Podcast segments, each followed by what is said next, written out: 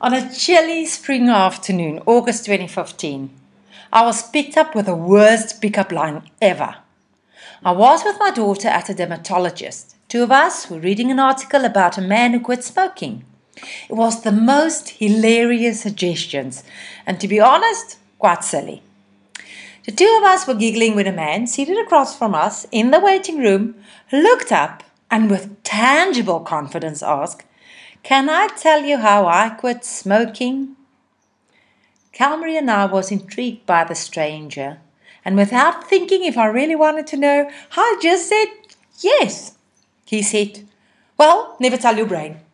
Do not tell your brain that you want to stop smoking. He shared his personal story and closed it off with, I do have cigars in my house, and I only will smoke a cigar if I win a speaking contest. Hmm. So are you part of Toastmasters? Yes. And he gave a smile that I would get familiar with in the near future. Are you familiar with Toastmasters? I know about the organization and I would like to attend sometime. Well, we have a meeting tomorrow night. I won't be able to attend. I will be able, I smiled. Okay, I can arrange with my friend Jeff to meet with you. He handed me his business card, Dave Kent. Never in my wildest dreams have I ever realized that I was holding a card of a mentor and respectful Toastmaster, member of Centurion Toastmasters Club. Dave captivated Calmary and I, his way of thinking. He had our full attention while talking. His story might not have been magnificent, but the man seated in front of us was intriguing, and we were both disappointed, maybe a little jealous, when the doctor called him. He came out from the doctor's office, his face covered with some kind of bandage, and he made a funny remark which I cannot recall, and I then said, Sir, you look like Hannibal from Silence of the Lambs. Dave's version of the story is that I called him Lielak. And that is how my year of yes started. On a cool spring day in the waiting room of a dermatologist with the worst pickup line ever. The next I received an email from Jeff Walters inviting me to my first Toastmasters event. What I expected was a group of very serious people, even a bit stiff upper lip. It turned out to be an evening of much laughter. When guests had to give feedback on the experience, I said I thought I was at a live recording of Whose Line Is It Anyway. Oh, Jeff was a real gentleman, answering all my questions and even told me that I can first check check it out and that I'm welcome to attend a few meetings before I make a decision to become a member. I still remember the conversation I had with myself, sitting next to Jeff, sharing his bottle of red wine like old buddies. Maybe that is what gave me guts to have a good one on one conversation with myself. Questions like, What is it that I want to check out? I always wanted to be a Toastmaster, and this is it. Why wait? I want this. I truly, really want this. What if I cannot do it? Well, that is a reason for being a member. After the meeting, the president at the time, Sonja Smit Jansen van Rensburg, asked if I want to become a member, and again, without giving a thought, I said yes. I received another smile. Would I smile I would grow accustomed to. Every other week, Toastmasters becomes something to look forward to. The atmosphere of fun and spending time with people who are well spoken and great inspiration to me was addictive. It was not long after my CC1 speech I received an email from Raymond Skoenraad, the Vice President Education at the time, asking if I would like to be the Toastmaster of the evening. Again, without giving it a thought, you guessed it, I said yes. It was nerve wracking. I had the whole agenda printed out in big number 18 size letters. And, and if it was not printed on the page in front of me, I just did not say it. I recall Craig Woods gently reminding me of the contentious issues, trying to save today. But because I had no idea what it meant or how to pronounce the foreign word, I just ignored it allowing all nerves to get the better of me. I then remembered about the Wooden Spoon Award, and trying not to give away my lack of confidence, I wrote a private note to Sonia inquiring what the spoon is for again. Trusting that she would give the answer in proper English, her reply was mixed between English and Afrikaans, and she wrote, Enige iemand wat stir of flaters. With my nerves hammering in my ears, I got behind the lectern and explained that the Wooden Spoon Award is for anyone who stirs or any flighters made by members. She tried to contain her laughter as she told me how she absolutely enjoyed my lack of translation. Sonia, still to this day, loves using that word whenever I share a room with her. I think if she should write the eulogy for my grave, it will read, Here lies Nicolette. She lived, she stood, and she had her flaters. Dave was more gentle that evening. He said, Kit, image isn't everything. It is everything. You are looking good, you are doing a good job. Some advice that I share as often as possible whenever I'm invited as a guest speaker. I think Craig forgave me for ignoring him successfully because he com- commented on the great job as Toastmaster of the evening I have been, pretending that I did not ignore his gentleman gesture to save the day. The next time I received an email from Raymond was asking me to be an evaluator. Without giving it a second thought, I said, Yep, yes. I thought this is the easiest part of being a Toastmaster and pitch up highly confident, unprepared, and self assured. The evening turned out to be one of the best lessons I've ever learned and implemented in my life. Craig was a general evaluator for the evening, and he said, I feel that the evaluators were shooting from the hip. No one was well prepared. This is unfair towards the speakers. They arrived well prepared, and to give them a mediocre evaluation is not a compliment.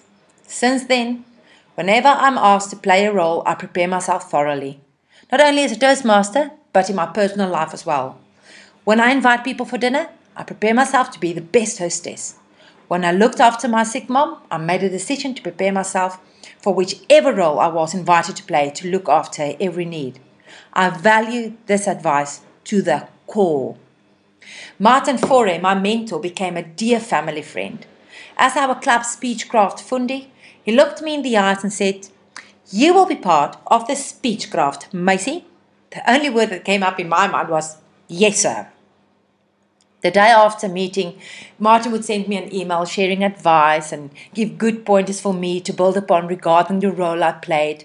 His encouraging words and priceless support gave me the courage to say yes to speaking engagements I would never have thought I would be able to accomplish. Due to Martin, I said yes to facilitate a leadership camp in Namibia, and it is with a grateful heart that I can say it was greatly blessed. When Teresa, Nadia, and Malebo asked me to be a mentor to them, I said yes. Martin is the one who told me that if you have someone mentoring you, you have to pay it forward and have a mentee sharing what you are taught. It is a humbling experience when a speaker like Teresa asks advice or receiving an email from Louis Vogel requesting some guidance still gives me shivers down my spine.